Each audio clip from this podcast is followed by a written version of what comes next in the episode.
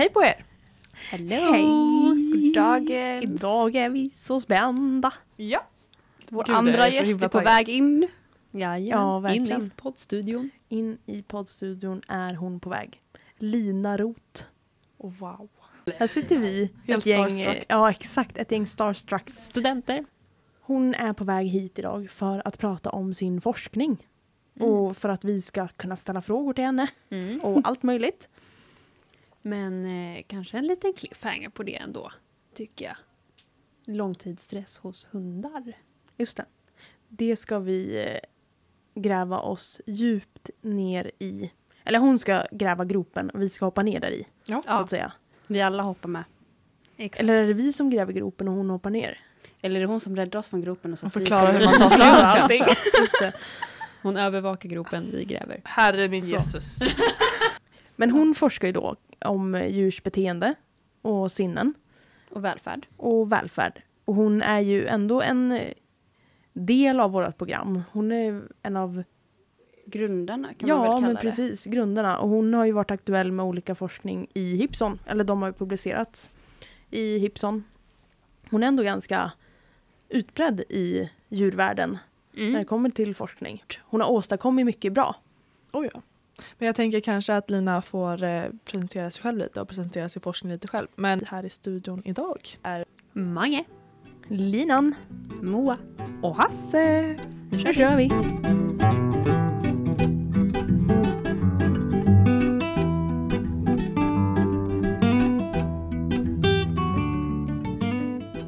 Hej Lina! Hallå, hallå! Välkommen hit in till Gärna djurstudion. Nej, men tackar, tackar. Hur mår du idag? Jo, alltså nu har egentligen vårvärmen kommit, så nu kan man väl inte göra annat än att dra på smilgroparna, tänker jag. Eh, verkligen, så är det. Vill du berätta lite om dig själv innan vi hoppar in och ställer lite frågor? Ja, hur långt bak ska jag börja liksom? Så långt du kommer ihåg. Nej, Nej men kanske i din eh, professionella del av livet så att säga ja, idag så jobbar jag på Linköpings universitet som forskare och lärare på biologiavdelningen. Eh, så jag undervisar och, forskar om etologi och mycket om interaktion mellan människa och djur. Och det är ju det som jag alltid har varit fascinerad av och intresserad av. Ehm, så det var ju den, eh, den korta versionen, kan man säga. Ja. Vad, vad är det för, har du någon huvudinriktning i din forskning? Ja, alltså, nu för tiden är ju min inriktning mer mot hur djuren interagerar och beter sig gentemot människan och vilken sorts relation vi har. Både ur djurets synvinkel men också ur människans synvinkel. Och tidigare kanske vi mer har brytt oss om människans synvinkel för det har varit lite svårt att fråga djuren men eh, allt eftersom vi kommer på smarta metoder så kan vi få reda på mer om vad djuren faktiskt tycker om oss. Och, eh, så det, det tycker jag är jättespännande och det som jag fokuserar kring främst idag. Just det. Vi läste ju en kurs i antrozoologi för inte så länge sedan. Och den vill jag bara säga, det var en fantastiskt intressant kurs.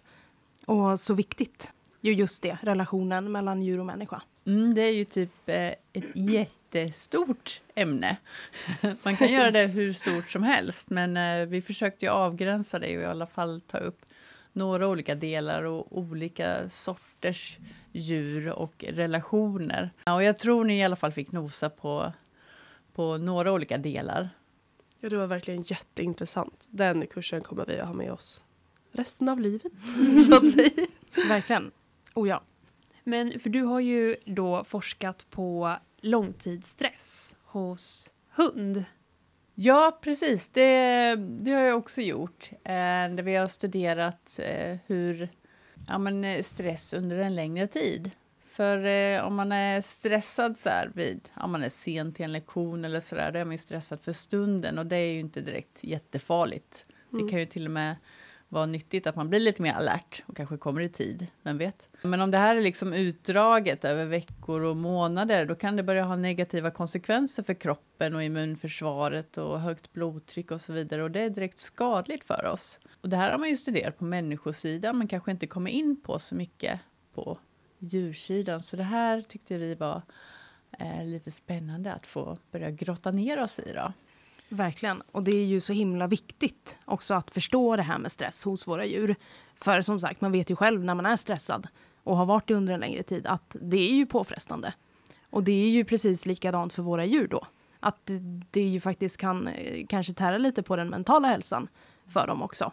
Ja, och sen alltså när man då ska undersöka det här hos djur, då är det inte så himla lätt. Hos människor då kan vi återigen ta till enkäter, vi kan fråga, ha djupa intervjuer, hur man mår och sådär. Men det kan vi inte riktigt göra med djur, utan här måste vi eh, på ett objektivt sätt försöka mäta det här. Och eh, då var det faktiskt så att grunden eller starten till den här studien som ni pratade om, det var faktiskt att Pelle kom en dag på fikat. Alltså man, man klarar av väldigt mycket på fikorna. Utan fikor så kommer inte forskningen vidare. Men då i alla fall på fika så kom Pelle och bara, du Lina, vet du vad jag läste för en artikel idag?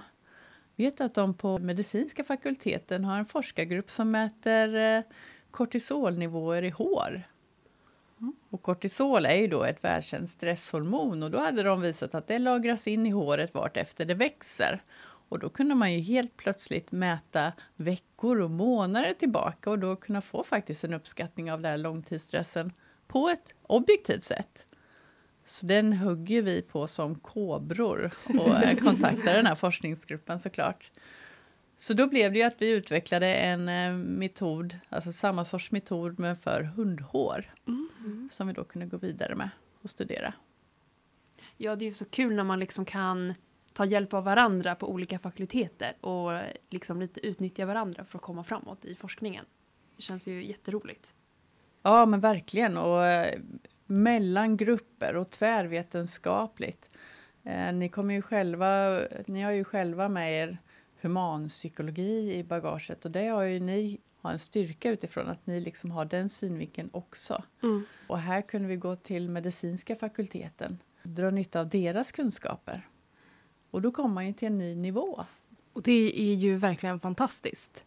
Eh, men det här med långtidsstress, och som du sa innan ju, det är ju inte den vanliga akuta stressen då. Men hur vet man då när den vanliga vardags, eh, vardagsstressen går över i långtidsstress? Finns det någon typ av identifikationer på det eller hur, hur ska man tänka som djurägare eller hundägare då? Ja, alltså det finns nog ingen eh, klockren definition på det vad jag vet om i alla fall. Men alltså om man är stressad en dag eller två då klassas inte det som långtidsstress. Men om det går över veckor och månader då har det ju, då har det ju börjat övergå i en sorts kronisk stress istället. Och det är ju då den här hårmetoden som man kan kalla det blir så värdefull att du kan mäta vad du då har i två centimeters hår. Och då har du helt plötsligt en generell eller en genomsnittlig nivå av stresshormonet under två månader. Men sen är det ju alltid lite klurigt där med nya metoder. När man, de hade ju undersökt det här hos människor och då har man ju fått en uppfattning om vad variationen ska vara mellan olika människor. Finns det könsskillnader och så vidare. Men på hundfronten fanns det ju inte så mycket så eh, där insåg ju vi att vi var tvungna att försöka samla in lite eget material och försöka se den här variationen. Vad är normalt och vad är lite mer utanför genomsnittet och så vidare. Mm. Så det var egentligen vår första studie om den här med långtidsstressen. Där vi undersökte en mängd schäfrar med olika, olika typer av schäfrar som har lite olika livsstilar. Och så mätte vi på dem under flera gånger om året också. Och då insåg vi att här hade vi också en säsongsvariation helt plötsligt. Och det är ju jätteviktigt att veta när man gör en, en sån här studie att man kanske inte kan jämföra vinterprover från en population med sommarprover på en annan utan man måste standardisera lite. Just det. I vårt avsnitt som vi släppte eh, förra veckan så pratade vi faktiskt just om det där när det kommer till att vissa studier ju faktiskt inte riktigt gör det hela vägen. Och det är ju super, eh, superbra ju såklart att eh, man gör det. Alltså att man testar den här säsongsvariationen för att få adekvata resultat eh, från sådana här studier. För det är ju jätteviktigt för att sen kunna dra bra slutsatser utifrån det helt enkelt. Ja, alltså oftast är ju en studie kanske kan svara eller ge indikationer på en eller två hypoteser om man har tur. Sen kommer man ju på tio nya frågeställningar utifrån varje studie. Att ah, det här, här ser vi också kopplingar. Mm. Men det kan vi inte säga någonting utifrån våra resultat. Och då kommer följdstudierna. Liksom. Så på den här schäferstudien till exempel, då såg vi plötsligt att Ja, men eh, polishundar och schäferhundar, de låg ungefär lika lågt som sällskapsschäfrar. Medan de som tävlade, de låg lite högre. Ja, vad konstigt så här. Och sen såg vi också att eh, de som lekte mer med sina schäfrar, de hade schäfrar som låg lägre i stressnivå. Så då började vi fundera, så okej, okay, det kanske inte räcker med att man kollar på hunden vi lever så tätt ihop med varandra så det kanske har betydelse vem, vem som står på andra sidan kopplet. Och det var det som ledde då till den uppföljande studien att vi ville då kolla även ägarens stresshormoner och vilka, vilken sorts livsstil de hade under lite mer kontrollerade former. Och så blev det nästa studie. Hade ni annorlunda hundraser på den nästa studie? Ja, precis. För då var ju vår hypotes att eh, det skulle kunna finnas samband mellan ägarens stresshormoner och hundens stresshormoner. Mm. Och då för att skapa bästa, vi tänkte då bästa förutsättningarna för det här skulle i så fall, det skulle ju vara de hundarna som är avlade för ett väldigt tätt samarbete med människan. Mm. Och då tänker man ju ganska snabbt vallhundar, eller hur? Mm. Eller i alla fall hela den gruppen. Eh, och sen är man också tvungen att tänka på att okej, okay, vi måste också ha raser som är relativt vanliga så att vi eh, i de här trakterna kan få tag på tillräckligt stort antal intresserade ägare med de här raserna. Så då föll det på border collies och shelties, Mm. eller shetland sheepdog då, i den studien. Och så vill vi då dessutom kolla på olika livsstilar och det var de som hade som sällskapshundar och de som tävlade agility eller lydnad. Så då hade vi den här hypotesen. Ska de följas åt i stress och ser vi någon skillnad i livsstilar? För det där är ju ändå jätteintressant. För det är ju inte ovanligt heller att man kanske ibland har lite som anledning att skaffa hund är kanske för att man själv vill få ut någonting av det. Att man kanske vill komma ut i skogen mer eller att man att vissa använder sig av ja, men, terapihundar och liknande. Och då tror jag att det är jätteviktigt den aspekten i hur vi påverkar hunden och inte bara hunden påverkar oss. För jag tror många kanske också kan skaffa hund av den anledningen att man vill få lite lugn i sitt liv. Men att också tänka på hur hunden kan påverkas av om man då som stressad person då eventuellt skaffar en hund för att kanske komma ner lite i varv. Men hur påverkar det hunden? Mm.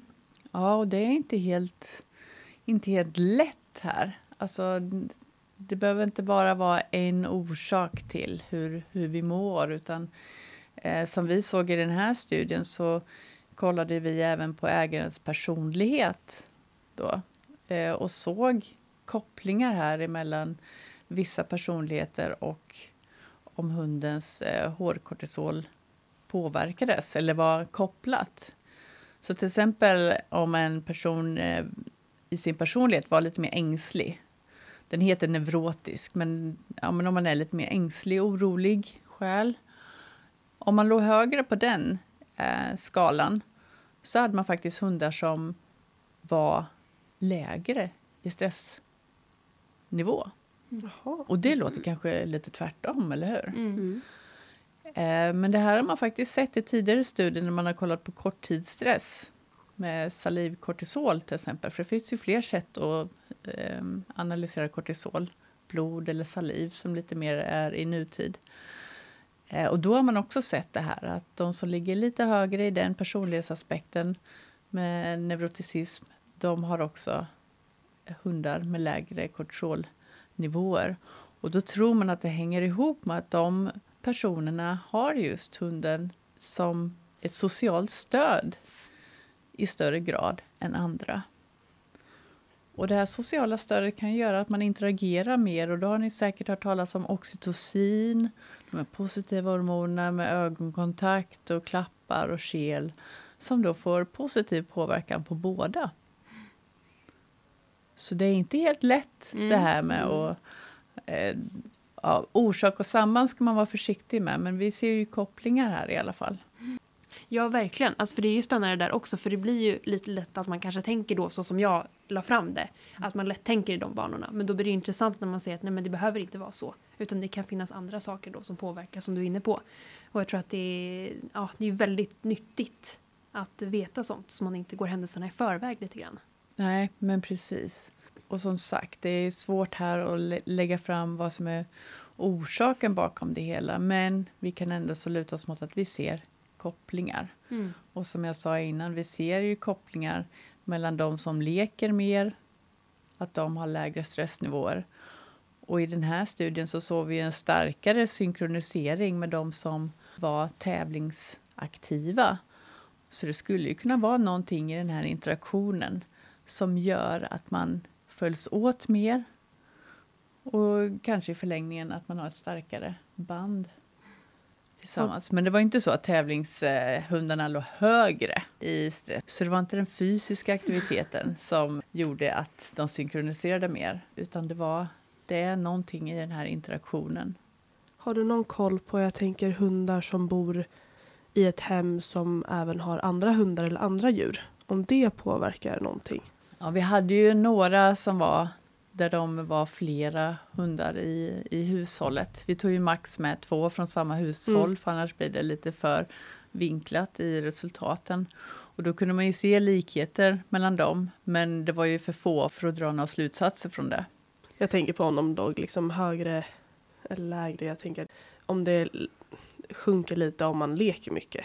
Om man då har andra hundkompisar att leka med eller om det är just liksom människans lek och alltså oxytocin från interaktion med människan som Mm. gör så det sjunker. Liksom. Ja, det är en jättebra eh, fråga men det, man kommer nog behöva en helt egen studie för Mm. att undersöka just den frågeställningen. Eh, här fokuserade vi verkligen på människan och hunden Mm. och just då ägaren.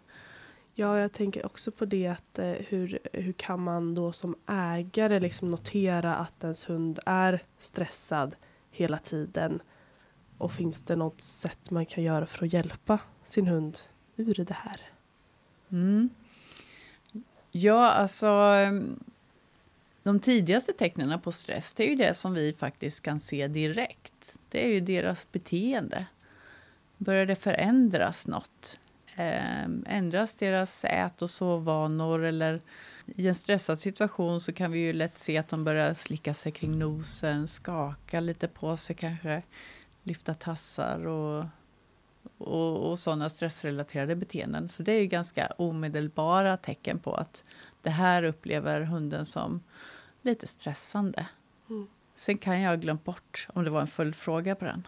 Nej, jag, jag tänker mer vad man kan göra för att hjälpa till. Det här är ju mycket som kommer upp liksom i stunden, så det kan vara korttidsstress också. Liksom. Tänker på hur, om man kan se tecken på långtidsstress hos hunden. För jag antar att hunden inte springer runt hela tiden och slickar sig runt munnen. Liksom. Så. Nej, men precis. Då skulle man ju först kunna börja se över vilka situationer är det som hunden reagerar så här i.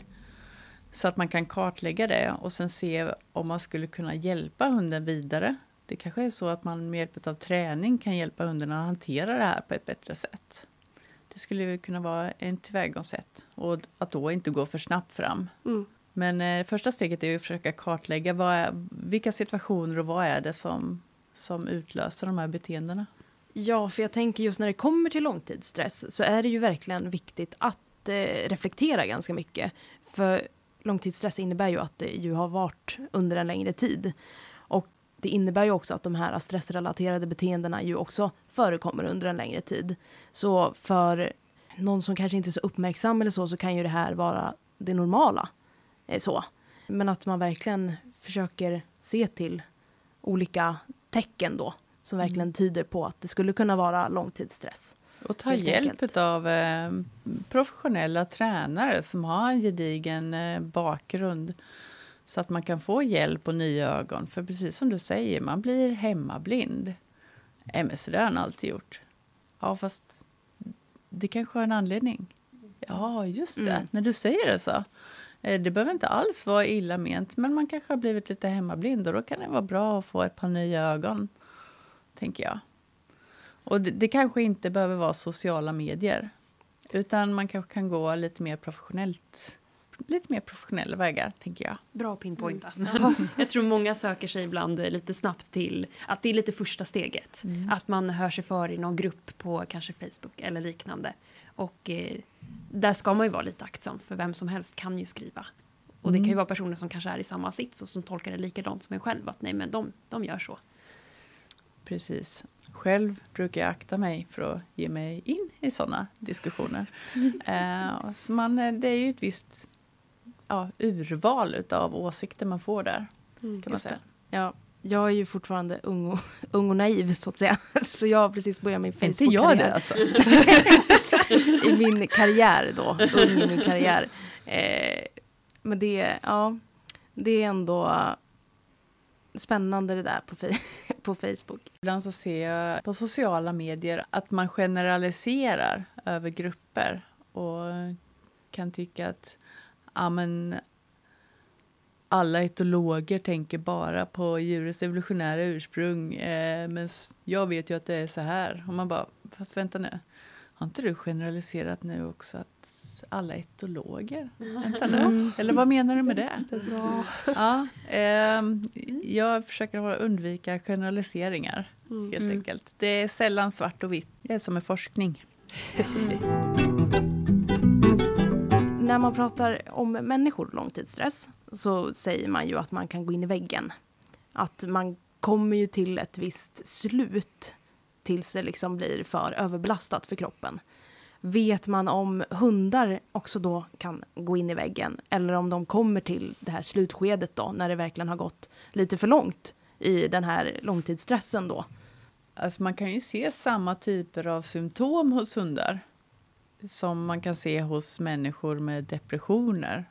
Just sömnstörningar, ätstörningar, ändrat beteende och så vidare. Så det skulle ju kunna få oss att i alla fall anta att de skulle kunna hamna i en liknande mentalt state. Eh, jag tror till och med att man har börjat faktiskt marknadsföra, eller vad ska man säga, att man faktiskt har börjat sälja antidepressiva mediciner till hundar just för att man har börjat se att det är ett växande problem.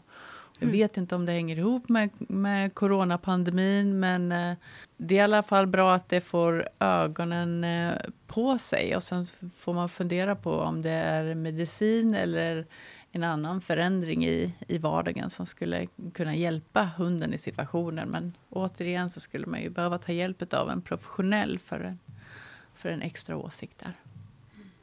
Ja, det är första steget är väl kanske att försöka hjälpa utan läkemedel så. Och försöka ta hjälp av någon.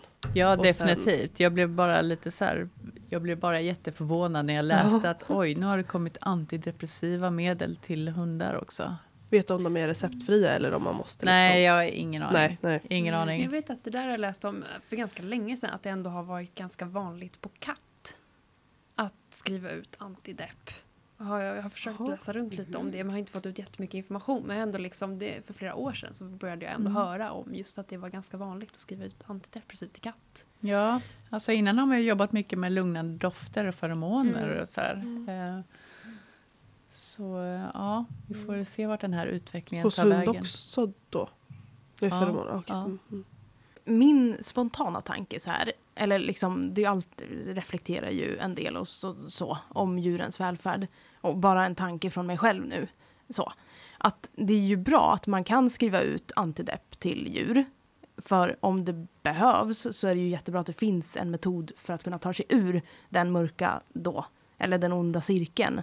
Men det känns ju som att det viktigaste kanske någonstans är att jobba förebyggande. För att aldrig kanske egentligen ta sig dit. Och sen så är det ju givet att ingen människa medvetet gör onda grejer mot sina hundar så. För att de ska ta sig dit. Men att det är så viktigt att försöka reflektera över hur man kan förebygga. Eller Mm. förebygga och träna på kanske då att rehabilitera i tid eller så. Ja, precis. Förebygga är det vi ska jobba för. Självklart.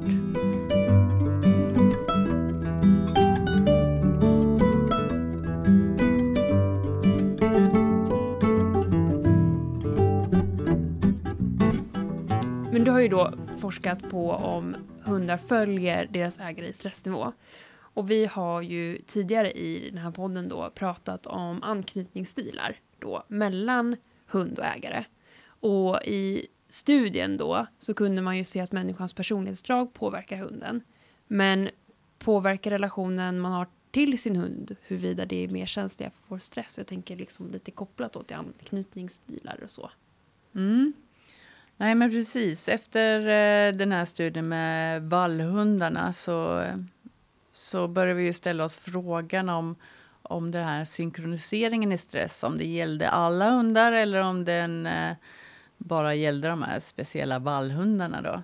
Så då började vi plocka in lite olika raser och tänkte då, nu tar vi extremen åt andra hållet. Då. De som, de som eh, till exempel jagar självständigt i skogen som drivande hundar. Eh, till exempel. Eller de som ligger närmare vargen genetiskt sett som eh, shiba eller husky och så vidare. Och då kollade vi också på det här med relationen då, i alla fall relationen från ägarens synvinkel. Och intressant nog då, det är ju lite sådär med uppföljande studier, man vet inte riktigt om man vågar göra dem eller inte. Men i den här studien kunde vi ju se att de här hundarna följde inte ägaren i stress så som vallhundarna, både collien och sheltisarna gjorde. Jakthundarna de hade ändå kopplingar mellan deras eh, långtidsstress och ägarens personlighet. Så där hade vi ju vänligare jägare, desto lugnare hund, kan man säga. Det var beteendekategorin agreeableness, för att ta ett exempel. Jag tyckte det var ett väldigt, väldigt rart exempel. Eh, så här såg vi ändå kopplingar till ägaren, även om inte ägarens stressnivå direkt följde. Eh, men det kanske är liksom för att de har kanske en annan sorts relation när jakten då är en anledning till varför man har hunden. För det var ett kriterie här att man skulle använda hunden aktivt i, i jakt. Men de här urs, ursprungshundarna eller ursprungsraserna, där såg vi ingen koppling. Ingen koppling till ägarens stress och ingen koppling till personligheterna. Men då när vi gick tillbaka till den här relationsenkäten då och kollade så såg vi och då hade vi även resultat från vallhundarna. Då såg vi på alla dem att det fanns kopplingar till olika delar av relationen hos alla de här olika typerna av hundarna.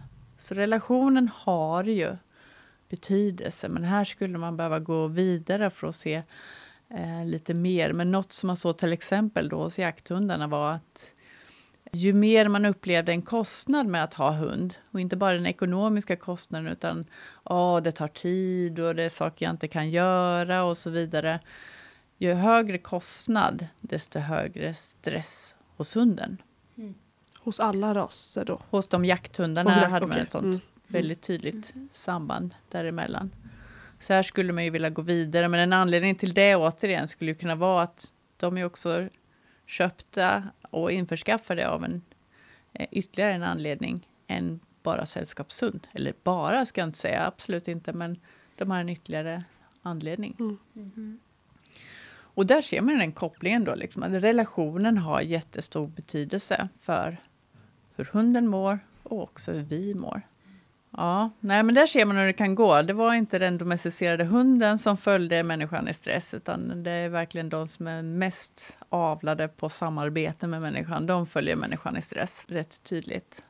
Och mm. andra påverkas mm. ändå utav mm. vårt liv tillsammans. Och konstigt vore det väl annars, för man umgås ju och lever i samma miljö och upplever samma situationer. Så det är ju det är många faktorer här bakom. Mm. mm. Men nu har vi ju pratat lite om olika faktorer då som eventuellt skulle kunna vara till orsak för långtidsstress. Men hur mycket genetik finns det i det här? Vet, vet man det? Alltså hur mycket genetiskt? För ni har ju kollat på olika raser och sådär. Och det innebär ju en genetisk skillnad då såklart. Men har man sett något djupare på det här? Jo, men alltså så som med väldigt mycket så är det ju både den genetiska aspekten och eh, miljön som har betydelse. till olika degree, vad heter det nu på svenska, i olika grader. Och ser man på mer välkända syndrom såsom separationsångest och så vidare, då ser man ju tydligt att det är vissa raser som ligger högre än andra. Och samma när det kommer till ljudrädslor, att vissa raser har en högre sannolikhet att drabbas av sådana noisefobias eller separationsångest än vad andra raser har. Så då, det tyder ju på att det, det finns en genetisk grund här och att det också skulle kunna gå att avla för och mot. Vilket är det positiva i det hela, för då skulle man ju kunna avla bort en del av den rädslan hos hundarna i, i det fallet. Då. Så visst har genetiken betydelse, men sen är det ju också erfarenheter som eh, har betydelse för hur, hur hunden utvecklas. Vi har ju under våran gång hittills då i den här utbildningen pr pratat ju mycket om beteendestörningar och så vidare. Och då är ju stereotypier väldigt vanligt hos bland annat häst. Mm. Finns det, alltså stereotypier hos hund då? Ser man alltså olika stereotypier när de utsätts för stress? Eh, ja, men det kan ju vara en sån här typisk eh, eh, fråga som kan komma upp hos, hos djurskyddsinspektörer till exempel. Att de kan få in filmer som visar på eh, beteenden hos hundar som utför just sådana här repetitiva beteenden som inte har något direkt syfte. Och då gäller det att man måste kunna avgöra om det här är en stereotypi eller om det är en upphetsning i stunden. Eh, och det här kräver ju då en objektiv analys av det hela. Så ja, det finns stereotypier hos hundar också.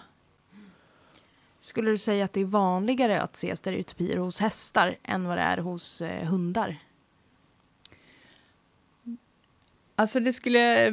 Jag tror att vi är olika medvetna om stereotypier hos olika arter.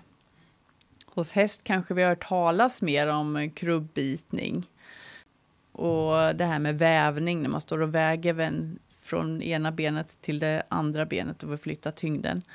Eh, och det blir väldigt tydligt att det här, det här är fel. Men hos hundar kan, om man då slänger ett öga på någon filmkanal på internet, så skulle man kunna se de som tycker att det är jätteroligt med den här hunden som springer efter sin svans till exempel. Så där kanske vi inte har samma medvetenhet. Jag vet inte, jag, jag tror inte... Jag vågar inte uttala mig om det är vanligare i ena arten än den andra, men jag tror att vi har olika kunskapsnivåer eller förståelse för deras beteende. Ja, så rent spontant tänker jag i alla fall att skaffar man en häst så har man ju ändå lite kunsk alltså bakgrundskunskap kring hästar. Medans alla kan skaffa en hund som man har hemma. Och då kanske man inte är lika medveten om beteenden. Nej, på hästfronten då är det ju liksom, där har du ju ett halvt ton kilo. Mm. Så tröskeln att du köper en är ju inte någonting du kommer på nästa vecka. Nej. Att du ska sticka och köpa en häst. Eh, utan eh, troligtvis så har du kanske gått på en ridskola och lärt dig en massa bakomkunskaper som mm. är viktiga. Eh, men som du säger, med en hund så är det lättare att oh, ja, här ser jag en kull eller här är en omplacering. De är också väldigt gulliga så man kan ju köpa dem lite på måfå. Så, om man nu... mm. Ja. sig för det. Mm. Ja, nej men det, det ligger nog någonting i det att det kan ha att göra med att man, man kanske har mer kunskap från början som en förstagångsägare mm. när man kommer som häst än som en första, förstagångsägare som hund. Jag tänker lite på det här också med emotionell smitta. Det är ju ganska vanligt då mellan individer av sociala arter och även då inom arten. Men hur väl smittar emotioner mellan hund och människa? Mm, men det är ju precis det som vi har sett här med, med stressen. Det är precis det som vi, vi lyfter här. Att det här är egentligen första studien som vi vet om där vi har sett den här äh, emotionella smittan mellan två arter. Tidigare har vi bara haft, sett det inom arter. Eh, så det är en aspekt i det hela. Och sen har man också sett med oxytocin att vi påverkar varandra till exempel. Eh, så det kommer nog komma mer på den fronten tror jag. Definitivt. Mm. Har du några liksom, eh, vidare planer på att gå vidare med fler studier kring det här? Eller? Alltid. Men eh, alltså tiden. Eh, ett, par, ett par till timmar om, om dygnet hade varit bra. För jag är ju inte bara det att jag forskar om hund utan jag råkar också vara väldigt intresserad av hästar och vår interaktion med hästar. Så då forskar jag också på, på uh, hästars beteende och den relationen. Så det, det, är mycket som ska hinnas med här, som ni förstår. Uh, men, men jag jobbar på det. Eh, just nu håller vi på med en studie på hundstallet i Stockholm där vi eh, undersöker om vi skulle kunna göra vardagen lättare för de hundarna som har blivit omplacerade genom att tillföra en ljudberikning. Mm. Så i årets upplaga så har vi haft eh, en ljudbok med Astrid Lindgren, Alla vi barn i Bullerbyn. Mm. Alltså jag kom ju där utifrån eh, buskarna i Småland så då måste man ju vara lite partisk tänker jag. Så de hundarna har fått lyssna på Astrid Lindgren eh, ett par dagar och så har vi kollat innan, under tiden och efter liksom, om vi har några skillnader. Så just det håller nu masterstudenterna på att analysera just nu. Samtidigt som vi planerar för nästa års projekt som eh, då kommer vara att vi testar naturljud.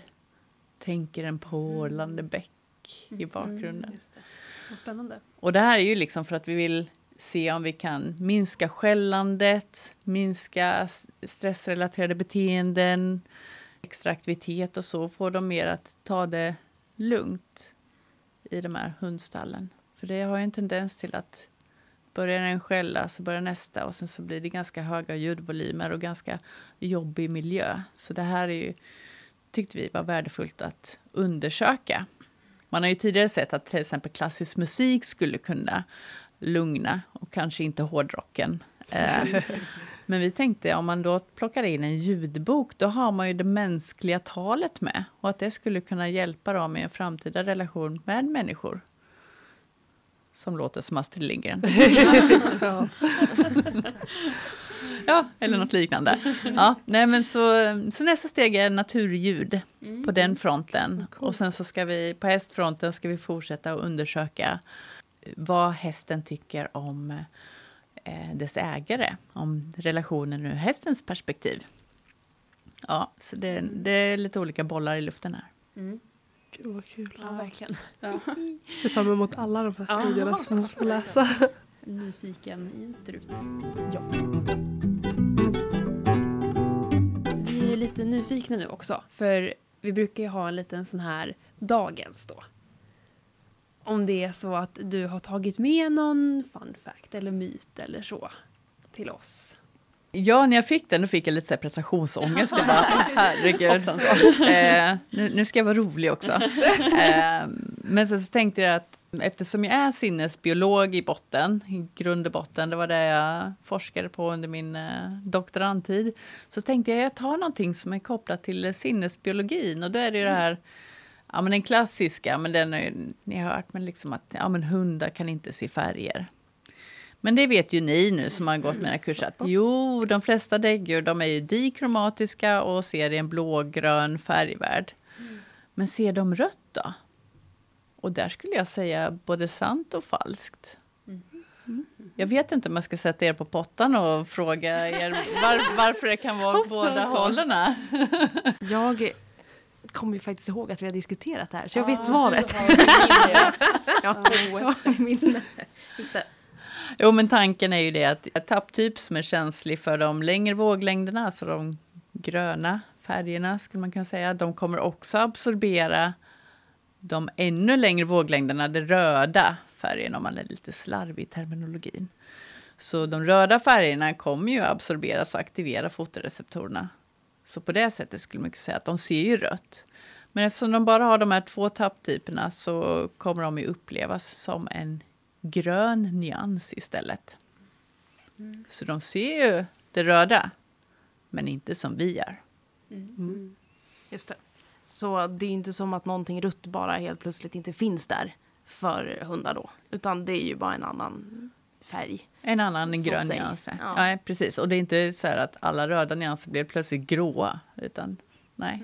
Mm. De, eh, de allra längsta våglängderna de kommer ju att eh, aktivera de här grönkänsliga tapptyperna, nu gör jag sådana situationstecken i luften, lite sämre. Så det kommer bli en mörkare grön nyans kan man tänka sig. Det är ju teorin. Men vi kan ju liksom inte... Ja, vi kan ju inte fråga dem rakt ut vad de, eh, vad de upplever. Men vi vet att eh, de kan se skillnad på blåa och gröna nyanser. Det är inga problem. Och i mina häststudier så kunde jag till och med testa hästarna på gröna och gula nyanser. Och det tog längre tid för dem att lära sig skillnaden, men de kunde se skillnad. Och här ser man ju också kopplingen hur viktigt det är att inte bara stirra sig blind på vad man kan se i själva sinnesorganet, ögat med optik och sinnescellerna, utan också se vad som har hänt i den där svarta boxen. Den där hjärnan då, nu pekar jag på hjärnan här uppe. Hur informationen bearbetas och vad, vad djuret faktiskt upplever. Alltså själva kognitionsdelen. Och här har ju ni också värsta förutsättningarna på djurpsykologiprogrammet. Att ni har, får med er en gedigen kunskap inom kognition. Hur bearbetas informationen om omvärlden? För att sen förstå hur djuret reagerar och beter sig utifrån det. Ah shit, vilken utbildning. Jag vill gå den. Vi alla är verkligen så tacksamma och glada över att den finns och att vi ja, går den, pluggar nu. Så det är fantastiskt kul. Uppmanar alla där ute som lyssnar som ska börja plugga att gå på djurpsykologiprogrammet på LIU helt enkelt. Tack så himla mycket Lina Roth för din medverkan.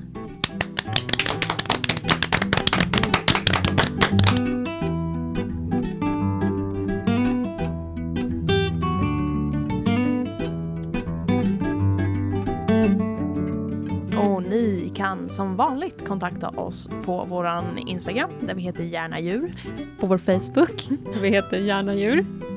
Eller på mail där vi heter gärnadjur.hotmail.com.